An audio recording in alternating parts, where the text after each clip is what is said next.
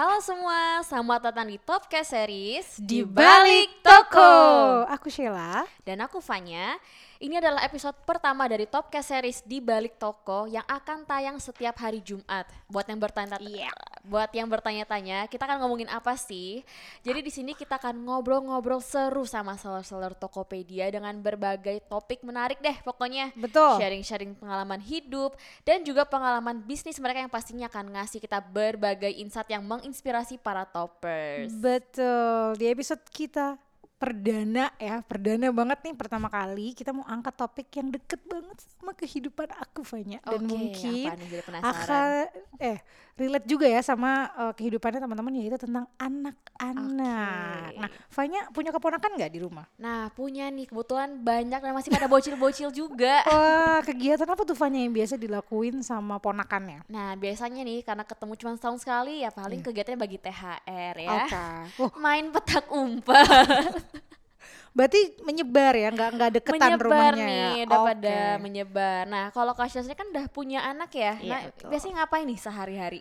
Hmm, karena aku juga kerja ya, biasanya memang waktunya tuh malam doang tuh yang memaksimalkan main sama dia sebenarnya. Karena aku eh, percaya kayaknya konsep main itu bisa membuat kita lebih dekat gitu. Nah sekarang hobinya anakku tuh baca buku. Wow, penting banget sih buat dibangun jadi dari kayak kecil ya. sebelum tidur dia udah kayak ibu aku mau pilih buku ini dong bacain gitu. Dan biasanya nggak sekali ya Ya, Saya udah- udah sampai dua, hafal ya. iya, tiga empat kali itu sebelum tidur pasti dia minta ngulang-ulang baca yang itu gitu. Karena sebenarnya waktu itu karena ya karena ibu bekerja ya jadi sebenarnya berpikir bahwa membangun kedekatan sama anak tuh susah gitu. Cuman waktu itu aku baca dari psikolog anak dia bilang bahwa sebenarnya kita nggak perlu tuh untuk 24 jam bersama anak kita karena tidak mungkin sebenarnya Mm, gitu. mm, mm. Cuman kita memberikan waktu 30 menit tapi berkualitas apa pun itu itu bisa mendekatkan atau membangun bonding kita sama anak. Oke, nah berarti ini keren banget ya Kasya. Jadi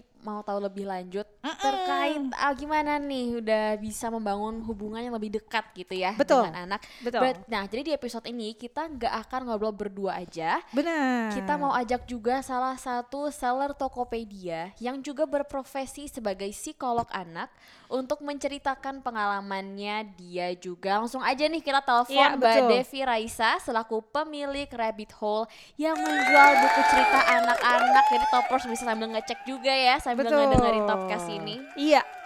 Eh, kebanyakan ini orang yang tepuk tangan. Sebentar, aku telepon dulu ya Mbak Oke. Devi ya. Apakah beliau sudah berangkat? Mbak Devi, halo. Halo, Halo.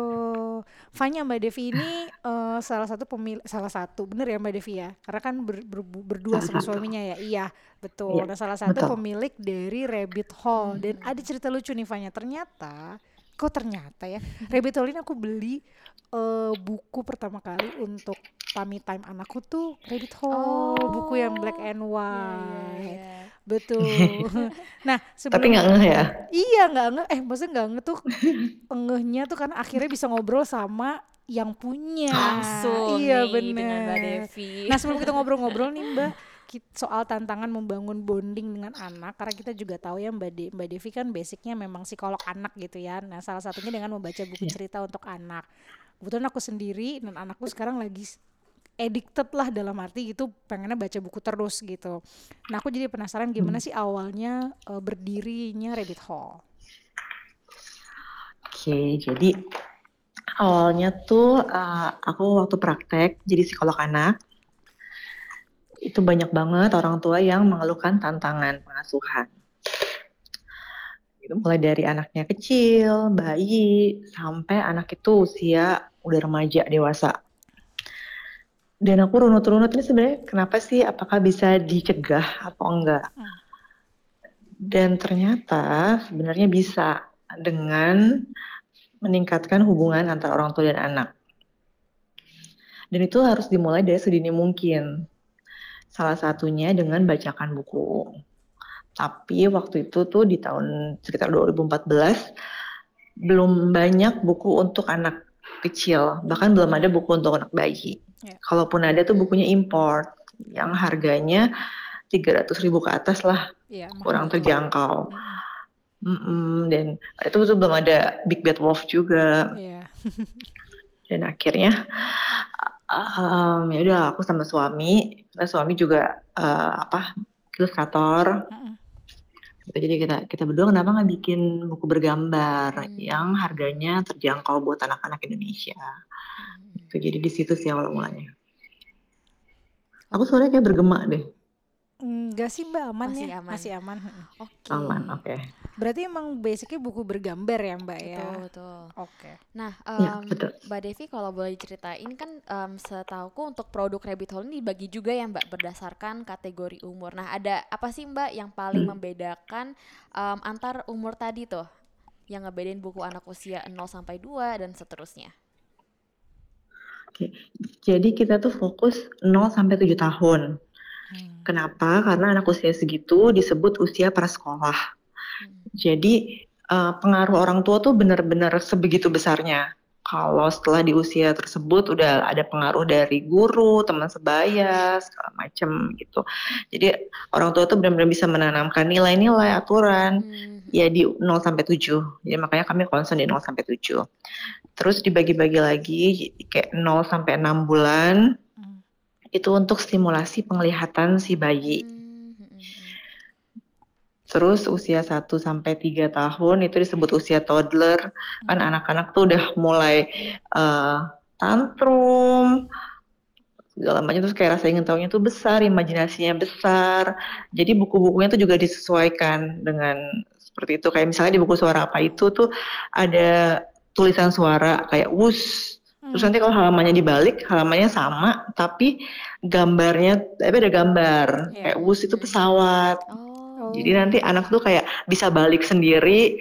Jadi dia tuh nggak yang pergi-pergi, dia malah tertarik untuk duduk anteng di Hmm, hmm. ngeliat buku gitu terus usia yang setelahnya 3 sampai 7 tahun itu kan prasekolah. Jadi bagaimana anak tuh mempersiapkan kemampuan-kemampuan prasekolah. Jadi ada kemampuan kayak em, konsep hitung, terus kayak menarik garis, Hmm. terus mengenal huruf dengan cara yang menyenangkan. Juga konsep-konsep kayak empati, berbagi, sosialisasi. Hmm. Jadi nanti anak tuh udah siap ketika masuk sekolah kayak nggak jadi pembuli atau dibully Iya. Iya. atau nggak mogok sekolah iya. gitu. Berarti disesuai dengan perkembangannya juga ya, em, Mbak Devi Ya. sama anaknya nih. Iya, Buat bener. dewasa mau ada nggak nih ada. umur 25 ke atas? ada. Itu udah suruh belajar sendiri kayak gitu. Nah itu benar yang dibilang Mbak Devi 0 sampai 6 kan tadi baru mengenal warna ya Mbak matanya makanya memang fokusnya ke buku hitam putih itu ya. Itu Ya. buku anak aku tuh 0, belinya yang hitam putih. Kayak dulu baru kenapa ya anak kecil di harus dikasih buku hitam putih? Ternyata memang karena penglihatannya, belum. Penglihatannya. Ah, ah, makanya dikasih warna yang Hmm. kontras gitu. Kan buku-bukunya temanya juga timeless sebenarnya Mbak Devi. Jadi banyak banyak buku yang sebenarnya eh, masih relevan untuk dibaca sampai mereka umur toddler gitu ya nah dari mana sih Mbak ide atau inspirasi dari setiap buku eh, bergambarnya Rabbit Hole ini gitu? Apa ada kerjasama dengan pihak lain seperti psikolog atau pakar pendidikan? Atau bahkan tadi sempat dikasih tahu nih Fanya bahwa ternyata suaminya Mbak Devi nih yang mengilus membuat ya? ilustrasinya Ilustrasi. gitu ha-ha. Jadi eh, lihat dari fenomena yang ada, terus eh, ngobrol-ngobrol sama klien juga, terus kayak perkembangan kayak misalnya kayak kok kenapa sih anak-anak tuh suka tantrum? Kalau anak toddler, terus sebenarnya bisa nggak sih kita cegah? Terus em, dari pertanyaan itu biasanya kayak lihat lagi jurnalnya, bukunya, oh ternyata sebenarnya bisa kayak kalau diajarkan mengenal emosi sedari dini gitu. Makanya habis itu kayak kita bikin buku tentang mengenal emosi. Hmm. Gitu-gitu sih pokoknya dari kesulitan-kesulitan yang dialami oleh klien dan banyak juga yang anak-anak keluhkan atau dari anak sendiri kan melihat perkembangannya itu Hmm, gimana iya, iya, iya, kayaknya betul, ada yang benar-benar. dibutuhin nih seperti apa Ya. terus tadi balik lagi lihat jurnal baca buku segala macem Hmm. Terus ternyata banyak yang to- topik-topik itu uh, belum ada nih di buku-buku anak Indonesia Hmm. gitu ya udah kenapa kita nggak bikin Iya iya. Berarti diambil dari real life cases juga ya. Iya, iya. Mbak makanya sebenarnya kenapa Betul. banyak jadi favorit karena sebenarnya relevan ya. Benar. Enggak, maksudnya itu bener-bener related juga nih Iya, dengan kondisi anak-anak saat ini. dan Wah, mudah keren, dipahami sebenarnya kalau aku baca dari buku-buku Mm, mm. Rabbit Hole menggambar kalimatnya cuma sekalimat, satu kalimat Mm, mm, gitu. Oke, nah Iya, kalau kita orang dewasa kan kayak ngelihat buku hitam putih, kayak ini apa sih kayak buku Iya. Fotokopian Iya, gitu. Oh mungkin buat bener. anak-anak itu justru ya itu yang dibutuhkan. Iya, dan- yang dibutuhin. Dan setelah enam Ha-ha. bulan aku beliin buku Rabbit Hole yang mi- eh, Rabbit Hole yang Hoam itu karena bisa diremes gitu ada suaranya Fanya. Bener kan Mbak? Itu sama perkembangannya tuh. Oke. Jadi diremes. Iya, karena anak-anak kan lagi masukin, lagi seneng-seneng masukin kan masa oral, masa ke oral, mulut. betul. Jadi maaf Mbak Devi di sini eh, kurang relate nih. Eh, tapi Masih remaja, aku, aku masukin wishlist dulu ya Kesiapan. buat lima tahun. lima tahun ke depan. Lama ya? Oke, um, Mbak Devi tadi udah sempat cerita nih awalnya dibangun Rabbit Hole karena belum banyak buku lokal yang mengangkat mungkin tadi ya tema-tema yang udah sempat diceritain. Nah, kalau boleh ceritain Mbak perkembangannya gimana nih dari awal Rabbit Hole ya? berdiri Mm. betul sampai Sekarang. sekarang nih. Official store loh di Wow, Tokopedia. keren banget. Hai, terima kasih Tokopedia. Jadi em, waktu awalnya itu kan memang karena belum banyak buku seperti Rabbit Hole, jadi permintaannya tuh cukup pesat. Hmm. Terus akhirnya kami tuh eh, hire orang banyak, tapi secara manajemennya tuh belum aja. Gitu. Akhirnya tuh sempat tutup sementara tahun 2018 Hmm. Gitu terus eh, bangun lagi terus dengan manajemen yang lebih matang gitu dan terus ada kayak e-commerce seperti Tokopedia itu benar-benar membantu banget Hmm. kayak dulu tuh ada admin khusus buat ngecek eh, mutasi aja gitu Oh. kalau sekarang kan udah nggak perlu udah dibantu dengan Tokopedia udah bisa langsung tinggal print print pesanan Iya. aja Mm-mm. print print label gitu ha. Jadi berarti memang eh, yang paling penting itu adalah tadi manajemen eh company-nya gitu ya Mbak ya, gitu sebagaimana sebenarnya bikin eh, company-nya bisa lebih sustain gitu ya. iya benar Tadi kan Mbak Devi sempat cerita juga tuh tantangan memban- membangun bonding anak ini kan sebenarnya juga diambil ide ceritanya dari pengalaman saat ngobrol sama klien nih Mbak. Nah ada nggak sih Hmm. cerita atau apa aja cerita unik yang Mbak Devi denger gitu ini kalau boleh di sharing ya gitu ke kita eh, dari hasil interaksi Mbak Devi dengan klien gitu yang mungkin bisa jadi pembelajaran nih untuk toppers ke depannya gitu. Oke, kalau case by case kan pasti eh, confidential ya. Iya iya iya iya. iya. Pasti. Tapi kalau yang aku banyak amatin, sebenarnya tuh lucunya tuh kalau orang tua tuh pasti pengen ngasih yang terbaik buat anak. Hmm. Makanya kadang kayak kerja bagai kuda gitu, benar-benar Hmm. kerja siang malam ya buat anak gitu. Tapi tuh sebenarnya yang anak butuhin tuh benar-benar hal-hal yang sederhana aja. Yang penting kehadiran orang tuanya. Tapi kadang kayak nggak nyambung gitu jadinya kayak orang tua tuh kerja ya buat anak, buat Iya. ngelakuin yang terbaik buat Hmm. anak. Tapi akhirnya jadi jadi hilang gitu loh masa kecilnya nggak bareng anak. Terus tiba-tiba ketika udah pengen bareng anak, anaknya tuh udah sekolah, udah punya temen, Hmm. udah dikit waktunya buat orang tua.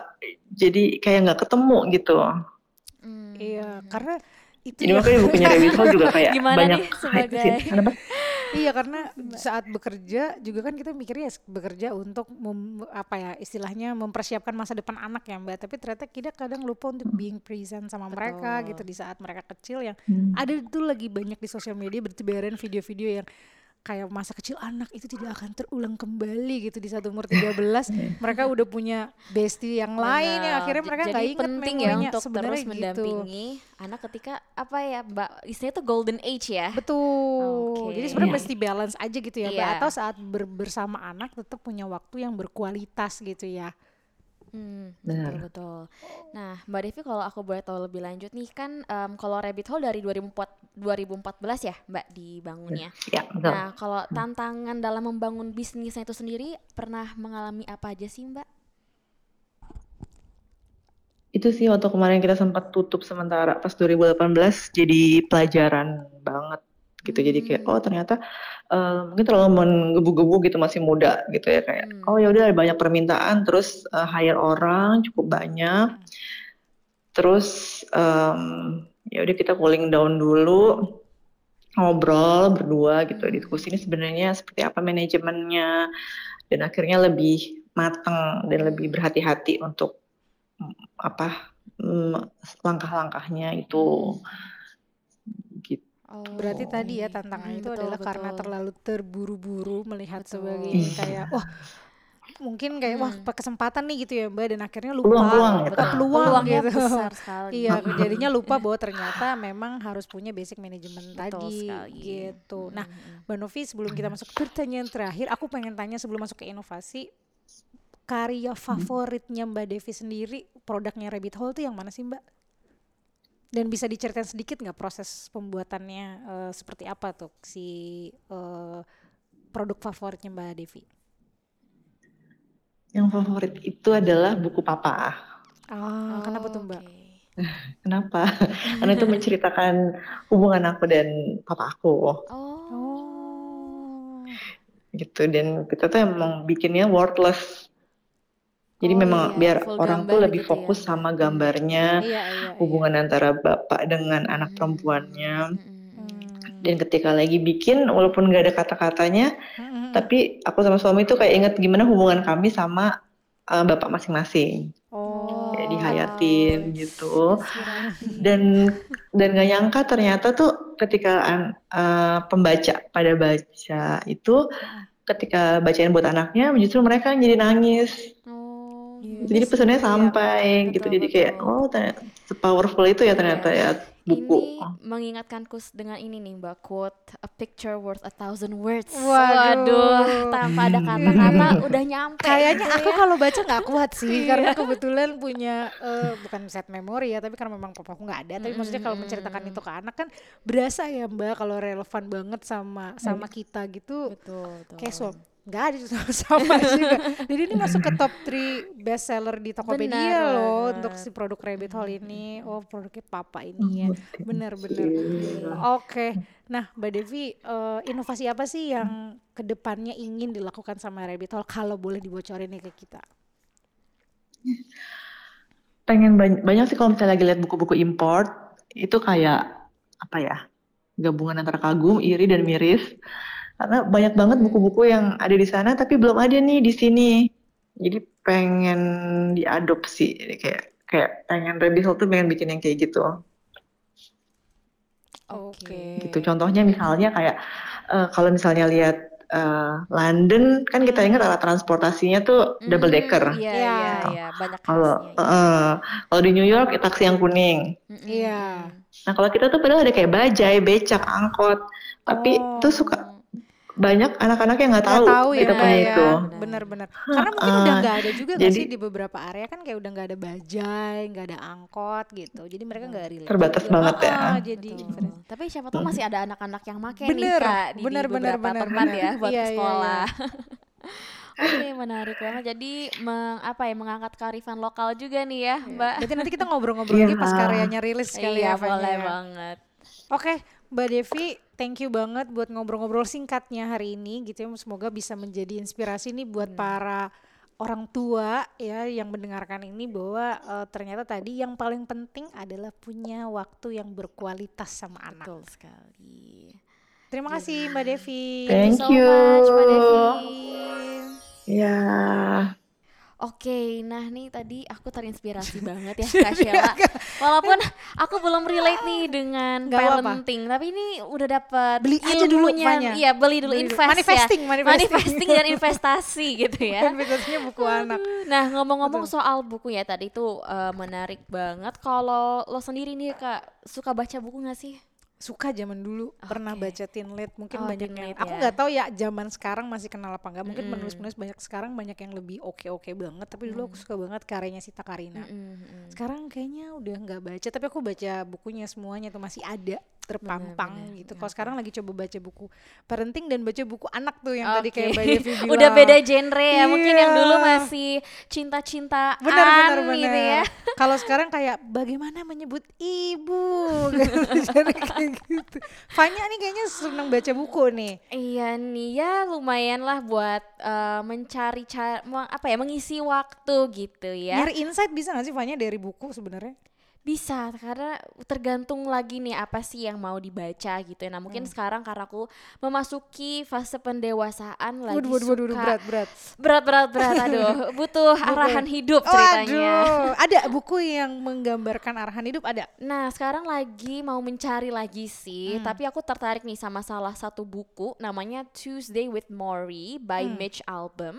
Jadi ini adalah buku based on true events. Waduh, Wah, kayak film ya? Iya, udah kayak film-film gitu. Jadi uh, novel ini sebenarnya sebuah memoir Hmm. tentang rangkaian kunjungan si penulisnya yaitu Mitch Albom Hmm. ke mantan profesor sosiologinya yang bernama Maury Schwartz. Maka namanya Tuesday with Maury. Oh, Maury ini nama si sang gitu. profesor ya Benar berarti. banget. Oke. Jadi Kenapa cuma Tuesday? Apakah kita harus mengulik dia di hari Wednesday, Oh, Thursday? iya, dia mungkin hanya luangnya di hari Selasa gitu Oh, ya si profesornya. Nah, jadi em, dia ini menceritakan eh, soal pandangannya tentang si Mori, si profesornya ini kak, di mana Hmm. si profesornya itu didiagnosa penyakit yang menyebabkan melemahnya otot dan terbatasnya aktivitas fisik Hmm. dan eh, profesor ini adalah seseorang yang bijaksana dan punya banyak pengalaman hidup. Ini kayak cocok Aduh, nih buat para crisis Quarter life identity, crisis ya, life iya. crisis ya. Oh, mungkin aku yang udah melewati fase quarter life crisis masih, Masih relate kali ya Fanya, masih terus bisa. belajar Mm, gitu. Nah ini pas banget juga nih kak aku tuh dapat rekomendasi ini dari salah satu nakama atau karyawan Tokopedia Iya. gitu. Jadi dia bilang kalau dia suka banget buku ini karena ini menceritakan interaksi antara seorang mentor dan juga mentinya dan ini bisa ngingetin kita juga soal makna kehidupan dan bikin mikir lagi apa sih yang mau kita inginkan dalam hidup. Waduh, Wow. waduh, waduh. kayaknya pas untuk mengisi weekend ya Jumat Pas dengerin kita nih rekomendasi banget. buku langsung beli di Tokopedia, Betul, betul. langsung Sabtunya bisa baca. Iya, kalau tadi sama Devi buku buat anaknya, kali ini buat orang Betul. tuanya. Iya, gitu iya, ya. iya. Jadi ba- tetap waras. eh tapi katanya ba- kita tuh anak itu bisa ngikuti bukan eh contoh apa ya eh, kegiatannya wih, apa sih bahasanya kalau mau diomongin maksudnya kita tuh mencontohkan dengan melakukan sesuatu Betul. itu lah itulah pokoknya ya bahasanya nah itu katanya kalau kita juga baca buku si anak itu bisa meniru ya, meniru bener. kebiasaannya. Aku harus membaca buku iya, Iya, sepertinya nah Boleh. kita juga buka kita juga yes nggak sih buka ya kalau teman-teman toppers yang mau kasih rekomendasi Betul. boleh banget ya. Kita udah ada rekomendasi buku, boleh nih